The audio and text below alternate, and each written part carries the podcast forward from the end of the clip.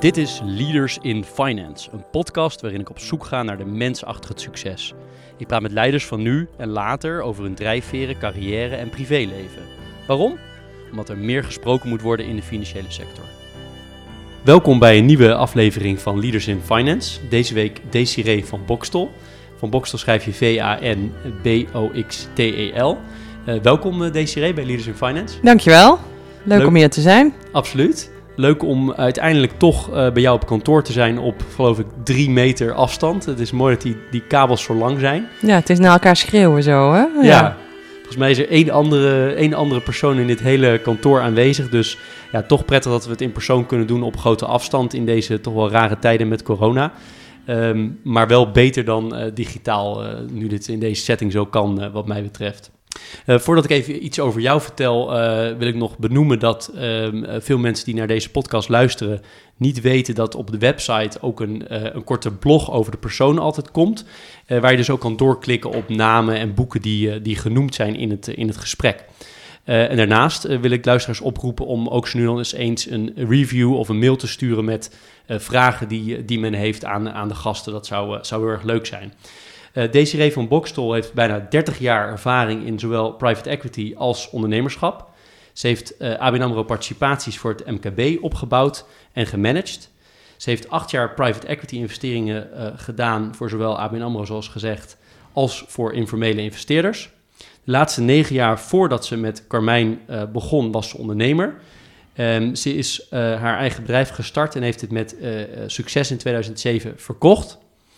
Um, Desiree is uh, partner bij Carmijn Kapitaal. Is 51 jaar en getrouwd. Heeft uh, twee kinderen. Um, Desiree, wat ik, uh, ik heb heel veel over jou gelezen. een van de dingen die, die me opvielen is dat jij een paar keer zegt... geld is maar dood. En het gaat bij ons altijd om het partnerschap.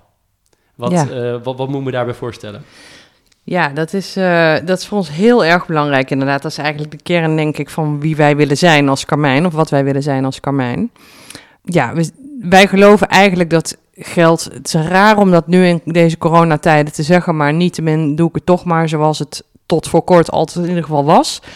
Uh, geld is een commodity in de wereld. En als je een goed plan hebt als startende ondernemer of als je je bedrijf wil laten groeien, dan kom je altijd aan geld. Dan is er altijd geld voor beschikbaar. En eigenlijk in zulke grote hoeveelheden, hè, bij goede plannen, um, dat, dat dat helemaal niet relevant is waar je dat vandaan kan halen eigenlijk. Veel ondernemers gaan gewoon voor de laagste rente of voor de laagste prijs. Maar veel ondernemers um, snappen ook dat je met geld iets anders binnenhaalt, namelijk een bepaalde mate van zeggenschap over je bedrijf.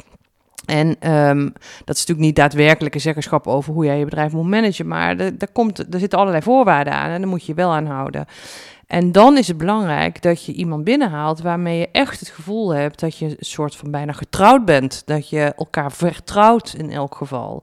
En um, echt hetzelfde wilt voor dat bedrijf. Dat je weet waar de primaire belangen liggen. Liggen die bij lange termijn uh, continuïteit van het bedrijf? Of liggen die op korte termijn zoveel mogelijk geld te uithalen, bijvoorbeeld? Dat is echt heel erg relevant.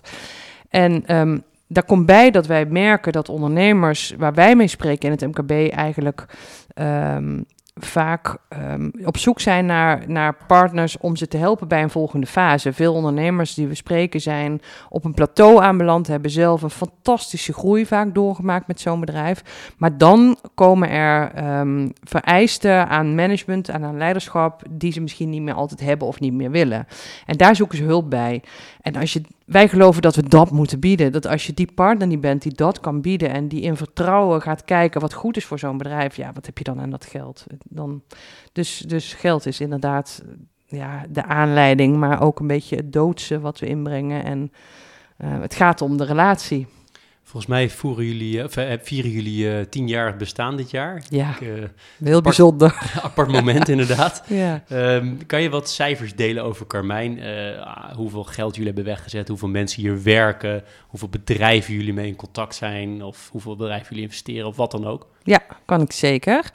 Uh, nou, we zijn met z'n drieën begonnen, tien jaar geleden. En we zijn in eerste instantie wilden we graag een fonds van 50 miljoen bij elkaar brengen. We wilden met een fondsstructuur werken. Nou, het is technisch waarom, maar dat vonden wij prettig. En wij dachten midden in de vorige crisis dat we dat in tien maanden zouden doen. Nou, daar hebben we uiteindelijk bijna 2,5 jaar over gedaan. En toen hebben we uh, in eerste instantie 46 miljoen opgehaald. Dus we hebben de 50 niet eens ooit gehaald. Uh, die hebben we in vier jaar tijd geïnvesteerd in zeven bedrijven. En vervolgens hebben we een volgende fonds opgehaald. Um, en dat was op dat moment 90 miljoen. En dat is ook weer geïnvesteerd, inmiddels in 10 bedrijven. Dus in totaal hebben we in 17 bedrijven geïnvesteerd. En we hebben inmiddels zes bedrijven uh, weer uit onze portefeuille verkocht. En we hebben zelfs één faillissement gehad, uh, Fretena Bretonnière. Dus er zijn zes bedrijven weer uit portefeuille. In totaal zitten we nu met elf bedrijven in portefeuille waar we aan werken.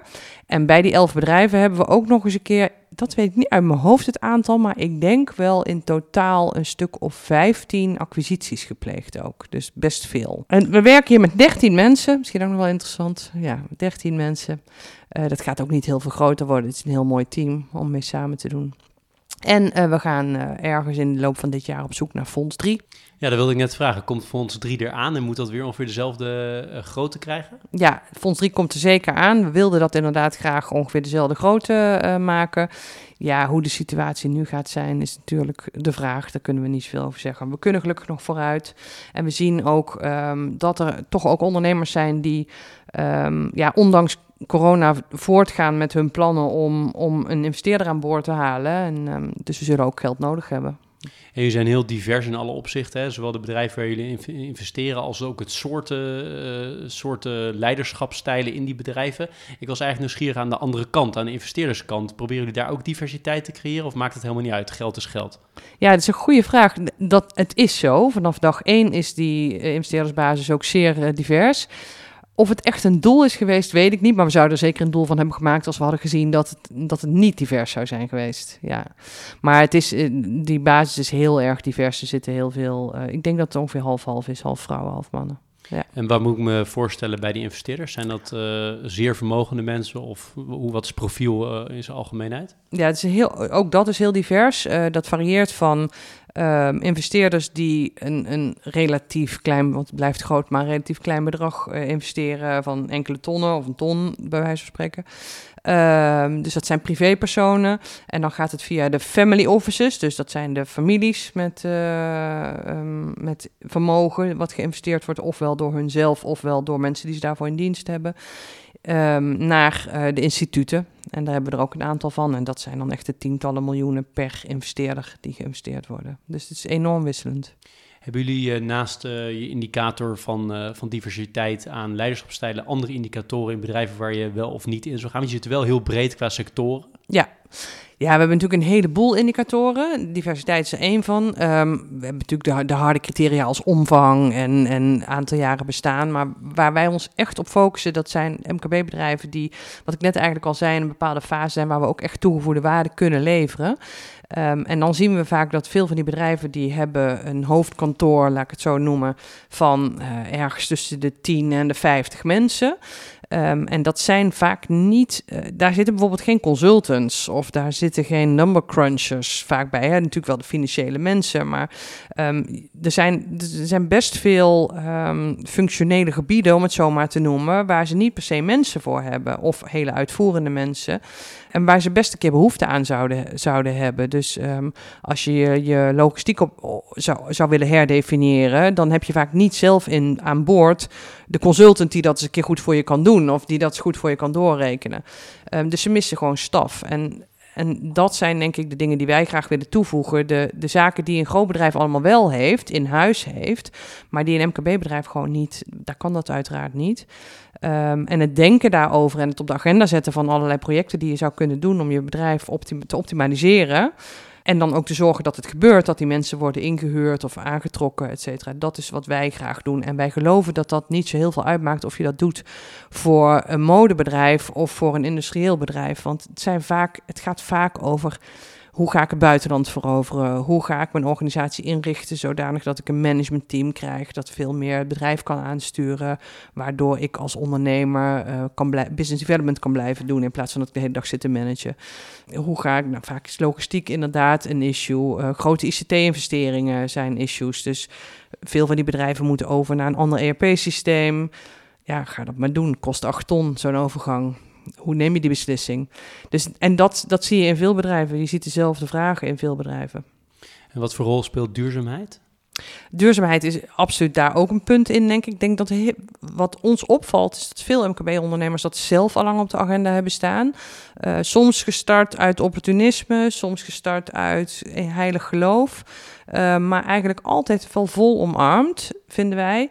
En daar kunnen we ook zeker bij helpen. Want ook daar hebben wij dan toch netwerk en kennis en, en weer andere bedrijven die het op een andere manier doen. Dus het is ook het, is ook het aan elkaar koppelen soms van verschillende partijen. Hè, gewoon je netwerk inzetten.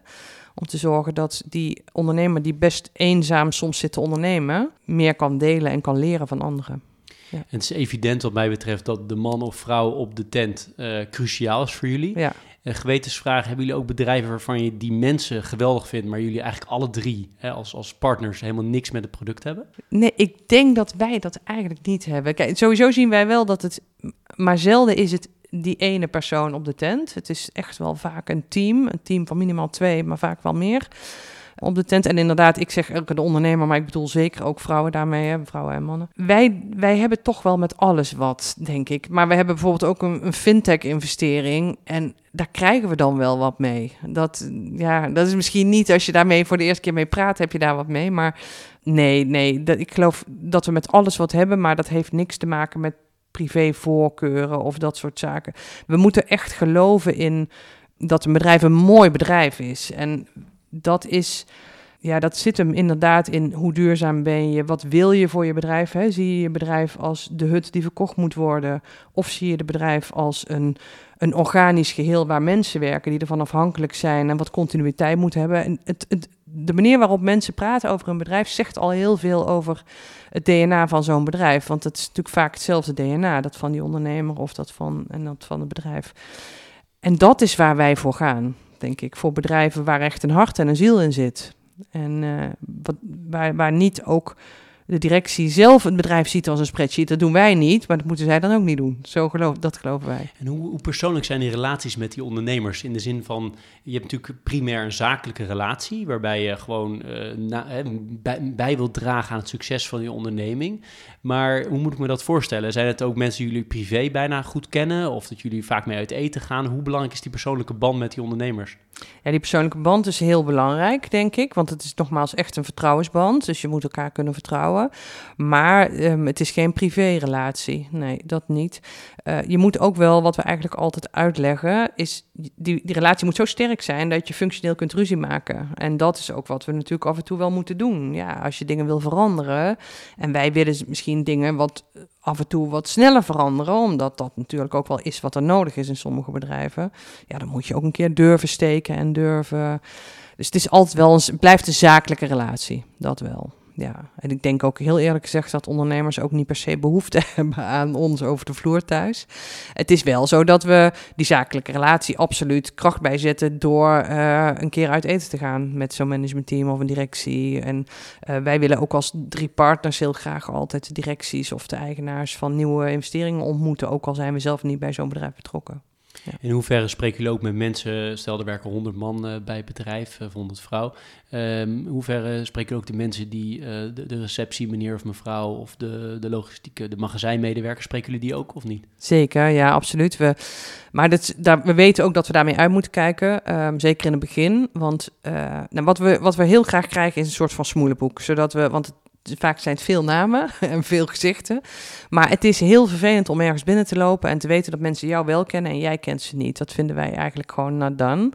Um, maar het is ook, het kan soms ook um, verkeerd overkomen als wij een, gewoon een gezellig praatje maken met die meneer uh, op de vloer of die mevrouw achter een balie of wat dan ook.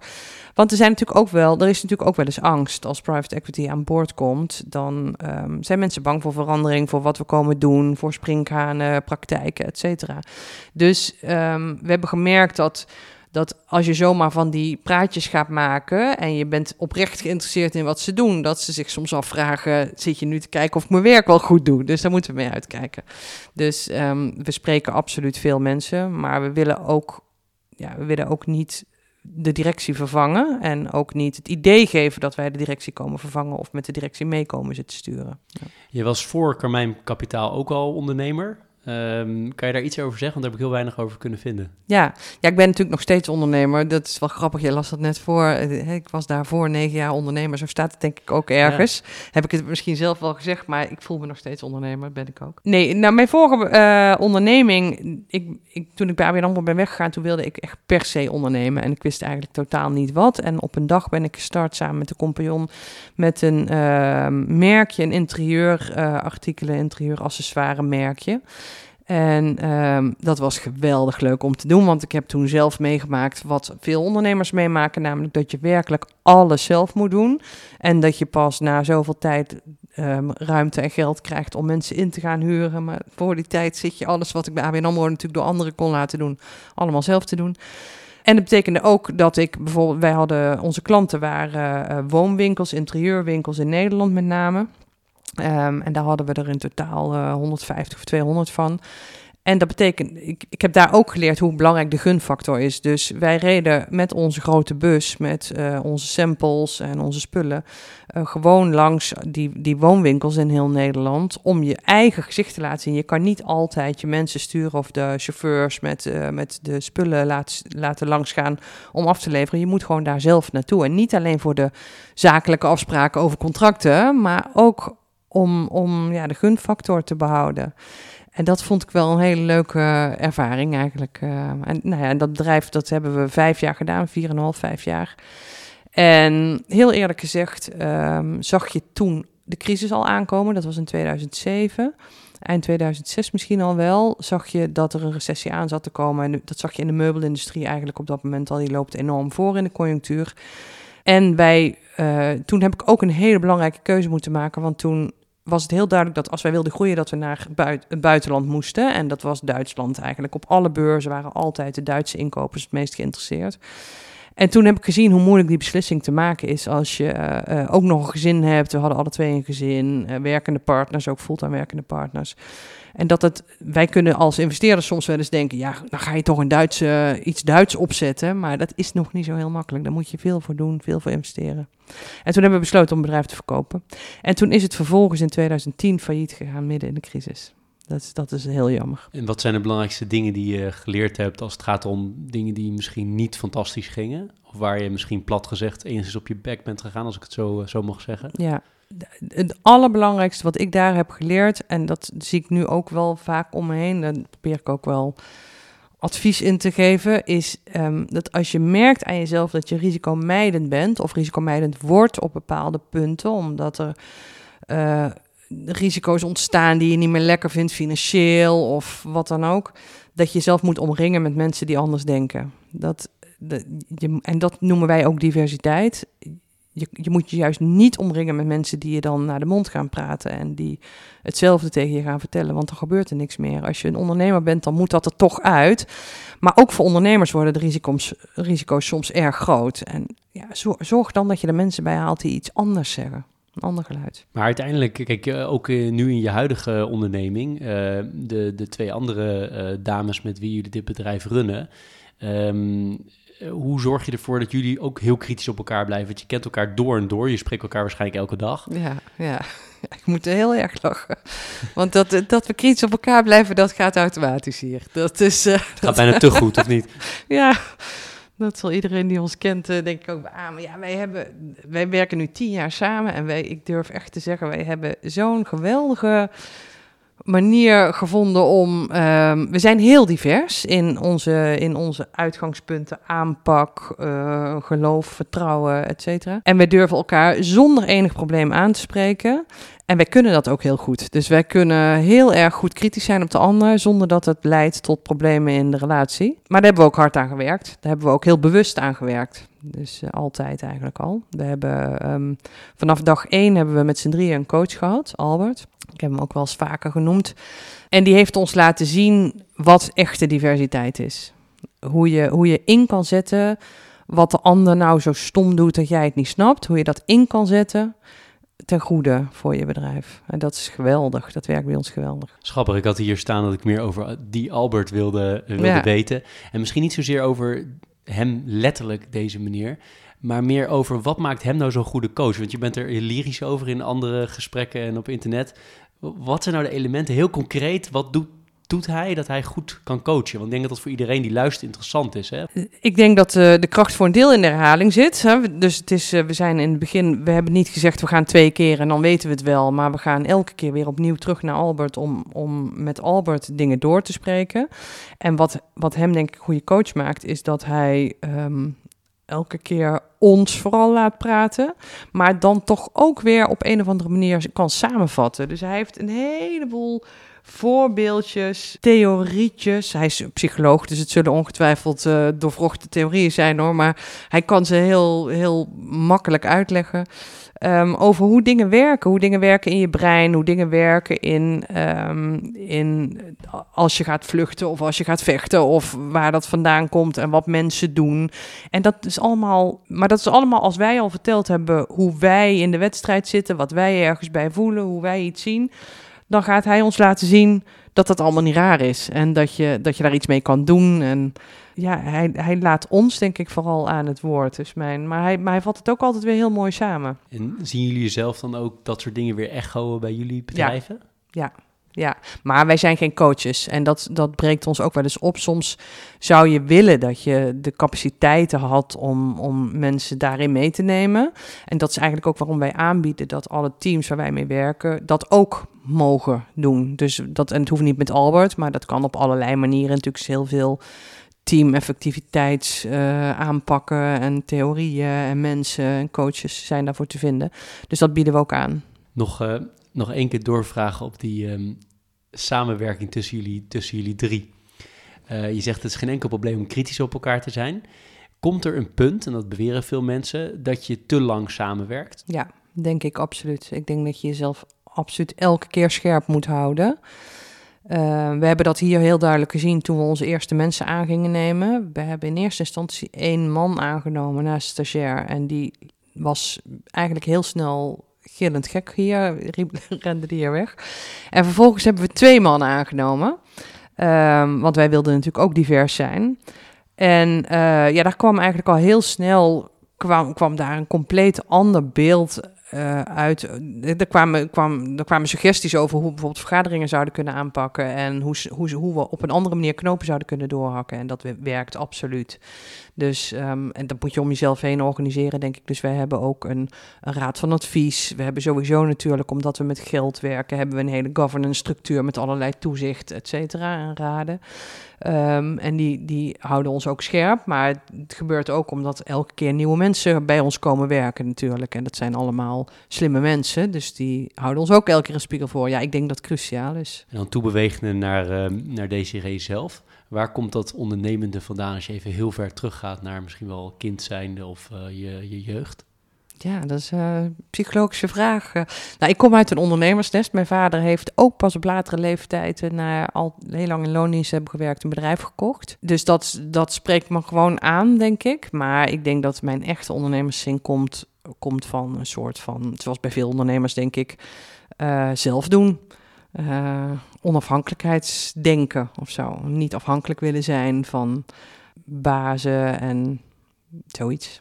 En, en ik denk ook nog wel het, het, de kleur oranje. Wij werken vaak met management drives, maar in andere systemen heb je dezelfde.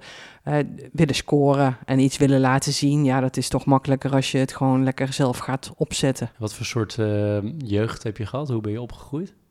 Als je iets over zeggen. Ja, ja, kan ik zeker. Hele gewone jeugd eigenlijk. Uh, niet heel bijzonder in een gezin met nog twee zussen. En ik was de oudste en ik was ook wel wat ouder, vier en zes jaar ouder dan mijn zussen. Dus ik was al onafhankelijk, denk ik. En we zijn een aantal keren verhuisd. Vond minder leuk, maar dan moet je elke keer weer nieuwe vrienden maken. Dus dan ben je ook, dan word je misschien ook nog wel wat extra onafhankelijker van.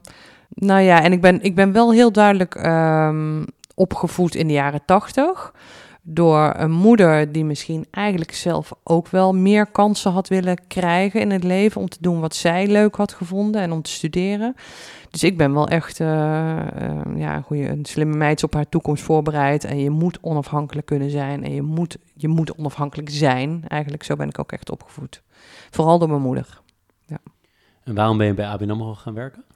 Ja, dat is een, op zich een goede vraag, denk ik. Eentje die ik zelf heel eerlijk zeg niet echt kan beantwoorden, behalve uit... Um, ik wilde het hoogst, hoogst bereikbare uh, halen. En dat is nu misschien moeilijk voor te stellen, maar dat was toen echt wel een bank. En zeker ABN AMRO was ook een topper. Als je daar door de selectieprocedure heen kwam, dan had je iets geweldigs gedaan. En, en je had dat ook bij Procter Gamble en Unilever en zo. Ik heb bedrijfskunde gestudeerd, dus dan had dat ook allemaal gekund. Maar marketing trok mij minder. Dat vond ik toch iets, vond ik niet zo interessant. En finance vond ik leuker. Dus um, strategie vond ik leuk. Er komt nu toch al een paar keer in het gesprek terug dat je best graag bewijst en graag toch ook wel ja. succesvol wil zijn. Hoe verklaar je dat? Nog een psychologische vraag. Albert had het misschien kunnen stellen. Ja, ja waar, waar dat dan vandaan komt, is een goede vraag. Ik heb eigenlijk geen idee. Ja, het moet altijd. Ik ben denk ik toch vrij competitief. Het moet, uh, ja, het moet altijd beter. Nou ja, dat komt misschien ook wel. Dat is misschien ook wel een deel van je opvoeding. Hè. Het kan altijd misschien nog een beetje beter. Um, ja. Ben je ook competitief in je privéleven? Ik noem wat met sport bijvoorbeeld. Nou, heel eerlijk gezegd, als ik, als ik de wedstrijd niet kan winnen, dat is met sport meestal zo, ga ik hem liever uit de weg. dus, nee, dus uh, ja, nee, maar eigenlijk wel, eerlijk gezegd ook wel, ja, ja. Ja, wil ik ook wel. Als ik hard loop, wil ik ook wel graag een, een marathon lopen. En dat is me nog nooit gelukt, dus dat is een frustratie. Ja, dat gaat ook nooit meer lukken. Maar dat, dat is wel een mooi brugje naar iets anders. En dat is namelijk, je hebt natuurlijk met, met uh, als investeringsmaatschappij heb je natuurlijk succes. Je hebt Seperts, je noemde er al eentje. Uh, dat is ook normaal, denk ik. Als je het niet hebt, dan, nou ja, dan zit je wel Zeker. misschien te safe te investeren. Um, maar en in combinatie met dat competitief en toch eigenlijk wel succesvol willen zijn, uh, hoe gaan jij en jullie hier dan om met dingen die, die dus eigenlijk gewoon anders lopen dan had je had gewild? Ja, ja, daar, daar bewijst zich ook echt weer de waarde van een divers team, denk ik. Um, wij, wij zeggen wel eens, we zijn alle drie op een ander moment down. Dat is heel fijn, want er zijn, dan is het ook niet zo dat er één down is en de ander up is. Maar dan heb je er twee up en één down. Dat is um, al veel beter voor de balans. En zo werkt het ook. De, er is altijd iemand die het glas half vol ziet op een of andere manier. En die zegt: Ja, maar ja, we gaan hier dan maar gewoon lessen uitleren. En dat doen we dan ook. Um, of zou dit niet kansen bieden ook? En dan gaan we daarna op zoek. Dat, dat, doen we denk ik nu met corona. Uh, dat deden we met het faillissement van Fred. En dat doen we met alle andere dingen die we zijn tegengekomen. Um, ja. Kan je voorbeelden geven uit jou, of uit deze, deze voorbeelden, of uit jouw persoonlijke carrière, Babinam, of waar dan ook, waarvan jij zegt dat is niet goed gegaan, maar daar heb ik wel heel veel van geleerd? Ja, er, gaat, er, zijn natuurlijk zoveel dingen die in je leven niet goed gaan, maar... Um, nou, de ik kan misschien wel iets toelichten, dat ja. geeft jou ook wel tijd om na te denken, maar ik heb een aantal luisteraars die zeggen: Ja, Jeroen, mensen vertellen altijd positieve verhalen, maar dingen, zeggen zelf dat ze misschien nog wel meer leren van de dingen die niet goed zijn gegaan. Ja. En um, ik merk bij mezelf ook dat je toch geneigd bent om te vertellen wat wel goed is gegaan en te denken dat daar veel ontwikkeling uit voortkomt. Wel misschien, ik weet het niet hoor, het is maar een gedachte, maar dat je ook wel veel ontwikkeling voortkomt uit de dingen waarvan je denkt, hmm, niet zo lekker gegaan. Ja, maar ik denk dat heel veel dingen die niet lekker gaan, dat je misschien later ook pas gaat zien dat ze niet lekker gingen. Dat je op een gegeven moment dan voel je de noodzaak om iets te veranderen. Niet omdat je nou zo door hebt dat het eigenlijk gewoon niet gaat of zo. En misschien een goed voorbeeld is uh, toen ik bij ABN AMRO wegging. Ik heb daar best snel carrière gemaakt, dus het ging allemaal heel erg goed uh, voor de buitenwereld inderdaad. En als ik nu, op een gegeven moment wilde ik per se ondernemer worden, dus ik wilde weg. Ik kon bij ABN AMRO intern nog wel weer wat doen, een project wat een beetje ondernemerschap in zich droeg, maar het was het niet meer. En ik moest en ik zou weg en voor mezelf beginnen zonder plan, dus ik ben gewoon vertrokken als ik nu terugkijk, denk ik, ja, ik was, ben veel te jong, daar veel te veel in managementfuncties terechtgekomen en ik kon dat absoluut niet aan. Um, ik heb dat denk ik gedaan naar beste weten. En ik denk ook niet dat ik mensen echt geschaad heb. Maar ze hebben ook niet zo heel veel aan me gehad, misschien als, uh, als leidinggevende. Maar ja, dat zie ik nu pas. Dat zie ik nu pas nu ik terugkeek. En ja, mijn manier van daarmee dealen is om het dan om het, om het weg te willen hebben, om te zorgen dat het achter de rug is en dat ik er vandaan ga. Uh, maar er zijn natuurlijk mooiere manieren om er wat van te leren. Ik had misschien beter uh, weet ik veel, leiderschapstrainingen kunnen gaan volgen of zo. Hè? Dat was misschien beter geweest.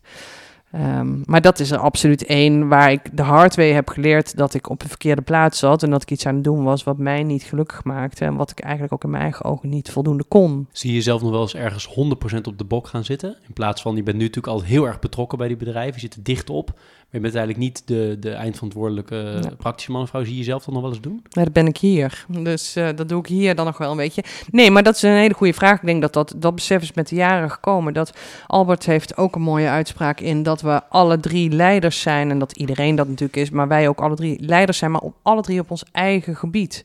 En ik heb van mezelf geleerd dat ik niet een leider ben in de zin overigens heeft bij ABN AMRO iemand dat me al eens ooit gezegd... dat ik leiderschap moest ontwikkelen waarbij ik meer voor de troepen uit ging lopen. Dus als, als vaandeldrager voor de troepen ging lopen.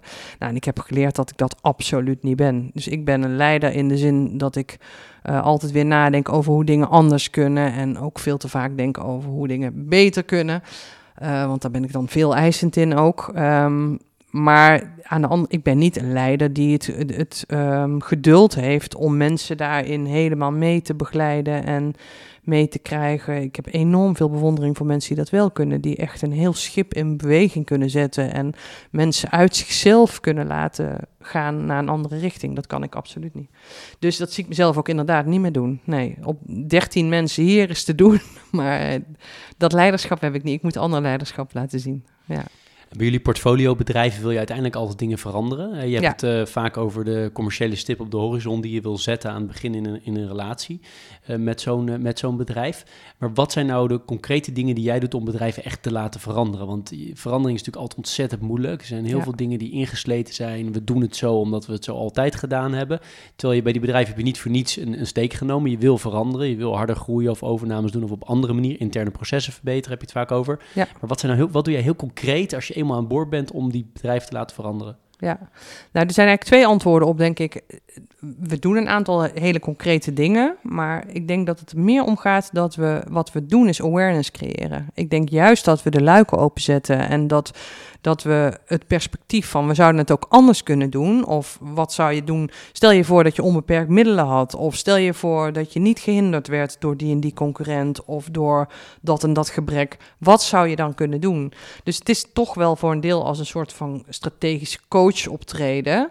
Ehm, dat is wat wij doen. En daar halen we hulp bij als dat nodig is. Want ik ben ook geen strategische coach voldoen. Hè. Ik ben niet een brown paper uh, expert of iets dergelijks. Maar als we brown papers daarvoor nodig hebben, dan halen we die mensen erbij. En het, dat gewoon aanzetten, zorgen dat, dat niet meer alles alleen maar gebeurt op de manier zoals het altijd al gedaan werd in een bedrijf. Dat is echt wat wij concreet doen. Dat is het allerbelangrijkste. En uh, dat is soms is dat echt een strategieverandering. Daar komt echt uit voort dat we uh, kiezen voor. Um, vaak terug naar de focus. Veel ondernemers zijn uitgewaaierd. Extra landen, extra producten, extra klantengroepen. En als je overal in wil blijven groeien, dan verlies je echt volledig je focus.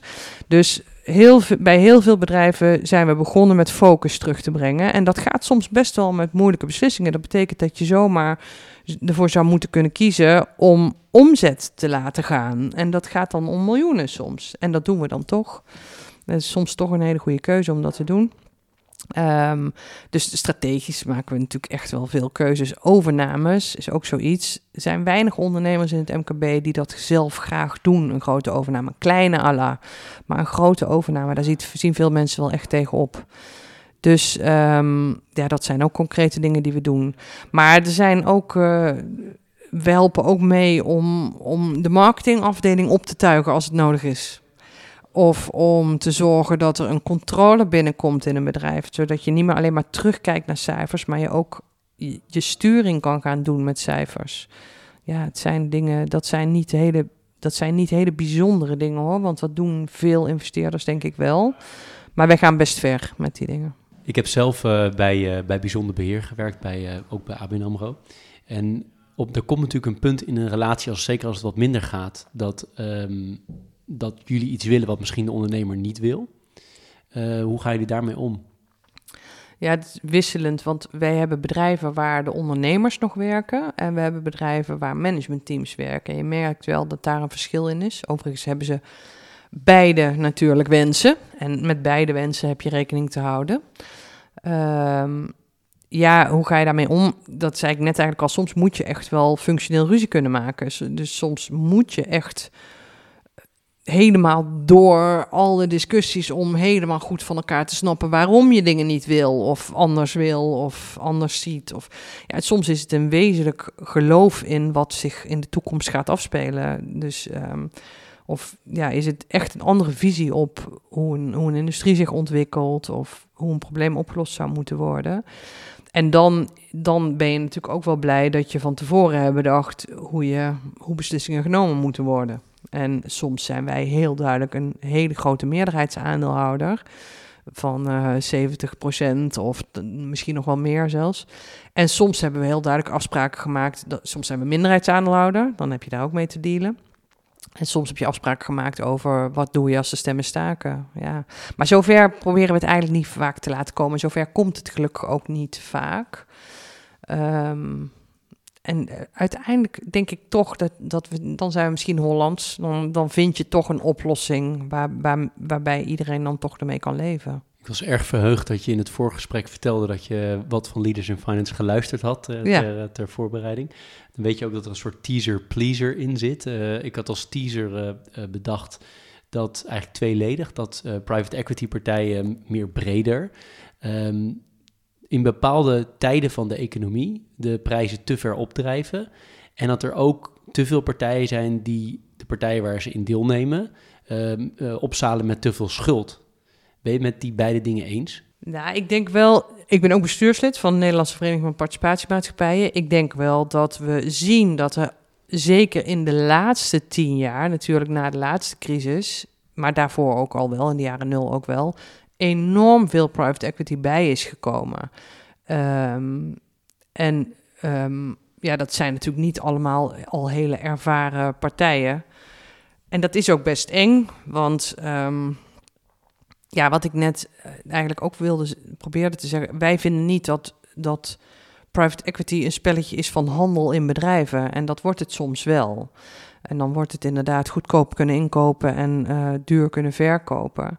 Maar wij geloven erin dat um, ja, als je in het MKB, zeker in ons segment, als je een bedrijf helemaal met schulden opzadelt, dan, dan groei je ook niet meer. Dan kan je niet meer groeien, want dan ben je echt alleen maar bezig met die enorme bal aan je voet om die mee te slepen.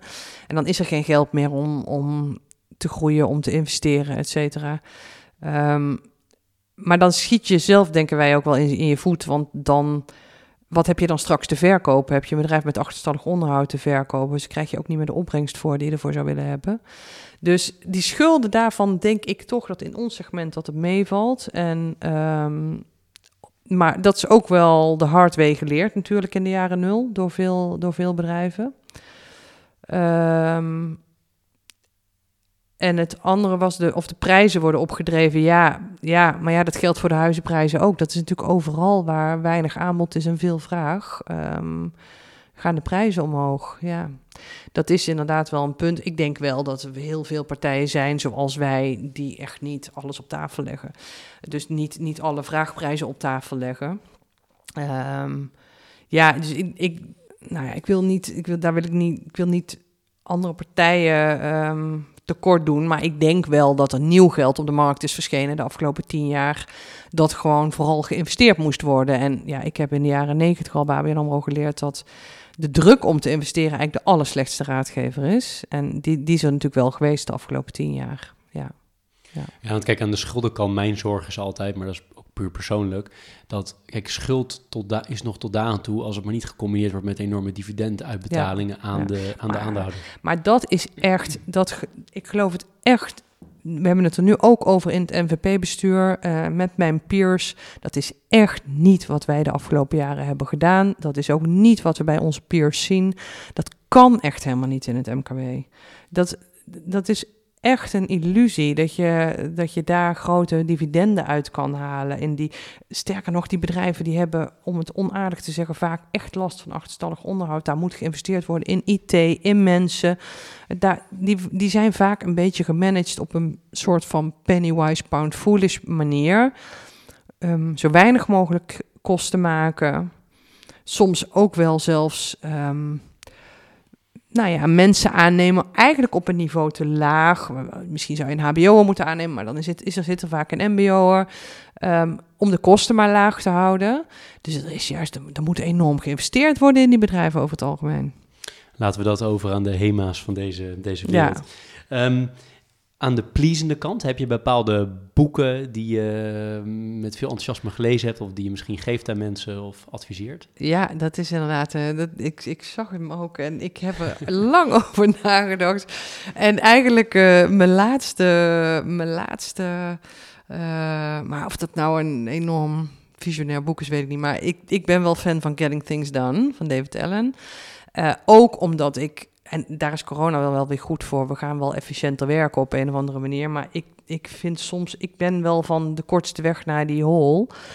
Um, soms gaat er wel heel veel tijd zitten in uh, de sociale aspecten van werken. Zo. Ik snap wel dat het heel belangrijk is, maar van mij mag het soms wat sneller. Dus um, dat is er eentje die ik zakelijk. Uh, maar ik, ik hou heel eerlijk gezegd hou ik meer van de, de boeken die um, zich richten op creativiteit en ondernemerschap. In hoe kan je dus de, alle brown paper, toen ze allemaal net uitkwamen, sessies. En dat vind ik eigenlijk leuker om, om out of the box te kunnen denken. En um, Steal Like an Artist. ik heb nog even om me heen gekeken op mijn werkplek thuis. Daar stond Steal Like an Artist. En dat gaat ervan uit dat je, dat je juist moet gaan proberen om uit allerlei andere hoeken en gaten leuke nieuwe ideeën te vinden. Ook voor je bedrijf. Ja, dat vind ik eigenlijk de leukste boeken. Lees je ook boeken die niet helemaal niet management gerelateerd zijn? Zeker. En heb je daar nog titels die je wilt delen? Meer, meer boeken die niet uh, management gerelateerd zijn. Oh jee, ja. Ik, lees, ik probeer heel veel te lezen, want ik vind het heerlijk om te lezen. Um, ja, nee, ik, ik vind zoveel boeken mooi. Dat zou ik eigenlijk niet weten. Ik stuur je nog wel een mailtje, misschien krijg ik nog een paar titels ja, voor de, dat, voor de website. ik, ben nu, ik ben nu wel een interessant boek aan het lezen. Want ik ben ook, um, uh, ik heb afgelopen maanden um, mijn diploma gehaald tot uh, particulier onderzoeker. En dan ben je dus private detective, mag je dan worden. Dat vind ik erg interessant allemaal. Um, en nu ben ik een boek aan het lezen van een uh, vrouwelijke CIA-agent. Uh, heel jong meisje nog was ze toen ze dat was. Dus dat vind ik allemaal ook heel erg interessant. Maar... Dat is wel even heel interessant om toch een één vervolgvraag op te stellen. Want waarom heb je dat gedaan? Ja, omdat ik... dat is een soort van... Vind ik leuk. Gewoon, dat is echt puur uit interesse. Ik, ik vind ja, ik had ook altijd wel rechercheur willen worden. Maar dat is toch op een gegeven moment is dat een soort afgesneden route. Als je eenmaal bedrijfskunde hebt gedaan bij een bank gaat werken, ga je niet meer zo snel rechercheur worden. Uh, maar dat puzzelen, dat vinden heel veel mensen natuurlijk heel erg leuk. Hè? Wat, je, wat je vermoedt wat recherchewerk is. En ik dacht, nou, laat eens kijken of ik daar nog iets mee kan. En je kan in Nederland kan je gewoon private detective worden. Maar, maar dat, dat mag jij niet zomaar worden. Daar moet, je een, uh, daar moet je voor voldoen aan de wet en daar moet je een diploma voor hebben. Dus ik dacht, nou, laat ik dat diploma's halen. Waar doe je dat? Ja, dat doe je bij een, een organisatie, een geaccrediteerde organisatie. Dus uh, dat is omdat je, uh, je moet... Um, uh, complyen, hoe heet het, aan de wet, aan de, de wet op de particuliere uh, beveiligingsorganisaties en recherchebureaus. Dus um, dat is interessant. Ik hoop dat niemand hier eh, binnen de organisatie van een van je deelnemende partijen bang wordt van je. Nou, dat is wel, het is wel voor mij een eye-opener. Want um, ik, ik heb me bijvoorbeeld wel gerealiseerd dat wij heel weinig onderzoek doen naar. Je doet natuurlijk allerlei due diligence onderzoek, maar we doen toch niet echt due diligence onderzoek. Wat, wat gaat. We kijken niet of er inbraken, cyberinbraken zijn geweest. Of, of mensen allemaal gescreend zijn. Dat doen we allemaal niet. Dus dat is best interessant. Ik heb er ook een uh, soort van hobby van gemaakt om alle gasten iets te vragen over burn-outs, omdat dat gewoon een heel groot probleem uh, in ieder geval lijkt, maar volgens mij is het ook feitelijk wel bewezen een groot probleem is in, in de samenleving. Um, uh, zie jij het ook veel en hoe kijk jij ernaar? Wat zie jij als verklaringen? Ja. Ja, ik zie het zeker veel, maar ik zie ook dat het zo wisselend is. Dat um, de een is na drie weken thuis en rust aan zijn hoofd weer, weer op kantoor. En de ander heeft er een jaar of twee jaar last van en kan eigenlijk nooit meer op het oude niveau aan het werk. Dus um, dat vind ik altijd heel interessant. Van wat is nou een echte burn-out en wat niet? Um, en ik vind het ook altijd erg interessant waar het dan door komt. Want ja, ik denk wel dat er bij, bij sommige mensen waar je wat, waar je wat ziet gebeuren, Ehm, dat het ligt aan heel veel op een bord, maar het ligt ook natuurlijk zeker aan hoe, hoe ga je daarmee om met veel op je bord. Kan je, kan je afstand nemen of kan je geen afstand nemen? En dat is wel interessant, vind ik, dat we daar eigenlijk niks aan doen. Hè? Je traint daar je mensen, bijvoorbeeld bij onze eigen mensen ook niet. Wij trainen ze niet op hoe leer je nou echt goed afstand nemen? Je zegt natuurlijk wel, als je vrij hebt, moet je ook vrij hebben. Als je op vakantie gaat, moet je niet je mail hoeven lezen. Um, maar mensen leren hoe je dat moet doen, je hoofd uitzetten of je werk uitzetten, dat zou nog best wel aandacht kunnen krijgen, denk ik. Ja. Want hoe balanceer jij? Want je kan natuurlijk in het bedrijf, in deze onderneming, uh, kan je altijd meer werken. Je kan altijd meer doen. Je kan ja. je nog beter inlezen, nog beter verdiepen, nog meer, nog meer betrekken bij bedrijven. Ja, ik, ik heb die burn-out denk ik ooit gehad toen ik bij ABN AMRO wegging. Niet officieel, maar ik denk dat ik hem eigenlijk wel had. En ik heb toen geleerd dat ik Um, toen ben ik eigenlijk onmiddellijk aan de slag gegaan met creatief zijn. Dus met, uh, toen ben ik in eerste instantie gaan edelsmeden en later heb ik een, schrijfcursussen gevolgd. En nu heb ik die particuliere onderzoekeropleiding gevolgd. Dat is voor mij is het afleiding. Ik moet mijn hoofd met iets anders bezig laten zijn. Um, en creatieve dingen vind ik heel erg leuk om te doen. En dan kan ik afschakelen. En dat moet ik er gewoon bij blijven doen. En dan, dan vind ik het ook niet erg om s'avonds nog wel stukken te lezen of uh, mails te moeten beantwoorden. Of uh, op andere dagen. Als ik, dat, als ik de balans maar kan vinden daarmee. Hoe balanceer je tussen werk en privé? In de zin, uh, niet zozeer hoe manage je, maar meer hoe, hoe vindt men het thuis? Dat, uh, dat moeders en, en echtgenoten toch wel waarschijnlijk heel veel werkt? Ik denk dat ik daar de balans eigenlijk ook best heb gevonden. Wij geloven hier ook wel bij Carmijn in de balans. Kijk, we hebben hier half mannen, half vrouwen. En vrijwel iedereen werkt hier fulltime. en vrijwel iedereen heeft ook een partner die ook fulltime werkt. En ook kinderen. Dus ja, wij zijn een werkgever die er gewoon mee te maken heeft. Dat, dat je kan mensen niet overvragen. En willen, we willen het zelf niet meer. We willen het ook niet van onze mensen vragen. Um, dus ik kan ook. Ik, en het, het, fijne is natuurlijk, ja, als je altijd uh, bij alles op school aanwezig kan zijn, als je daarbij aanwezig wilt zijn, of als je altijd tijd kan maken voor. Soms is dat best moeilijk, maar tijd kan maken voor de dingen die je belangrijk vindt. Ja, al, al is dat een keer de kapper, misschien, ja, dan, dan, dan heb ik, kan ik die balans wel. En zo ziet mijn gezin dat denk ik ook. Heb jij uh, een bepaalde leaders of wellicht leaders in finance, maar misschien breder dan dat, waarvan je zegt, die spreken me echt aan? Ja, die zijn voor mij, denk ik, misschien wat down to earther dan de, dan de hele grote leaders. Um, ik, ik, ik kijk eigenlijk liever naar de mensen die um, misschien wel juist de mensen die hun, hun tekortkomingen durven te laten zien. Dus die helemaal niet altijd het, juiste hebben gedaan in hun leven. Of, uh, maar die ook eerlijk zijn over dat sommige dingen ze zijn overkomen. omdat ze op de juiste plek op de juiste plaats waren. Of um, ja, heb ik daar voorbeelden van. Ik denk dat dat de kwetsbare mensen zijn. De mensen die ver zijn gekomen, maar toch kwetsbaar zijn gebleven. Of daar eerlijk over durven zijn. En ja, ik heb wel ooit. Um, uh, een keer mijn eerste baas genoemd. Omdat dat iemand was bij wie ik meteen al zag enorme ambitie, enorme, dus zij was een vrouw, onafhankelijkheid. Maar ook um, de balans, de, de, uh, uh, ja, de balans in, in woon, hoe noem je dat, thuis en zakelijk en privé. Maar ook de balans in meningen. Ik, ik ben vrij uitgesproken en dat heb ik ook moeten leren. Dat mensen, andere mensen met niet meteen hun mening zo uitspreken en dan toch ook een hele relevante mening kunnen hebben. Ook al heb ik hem niet gehoord.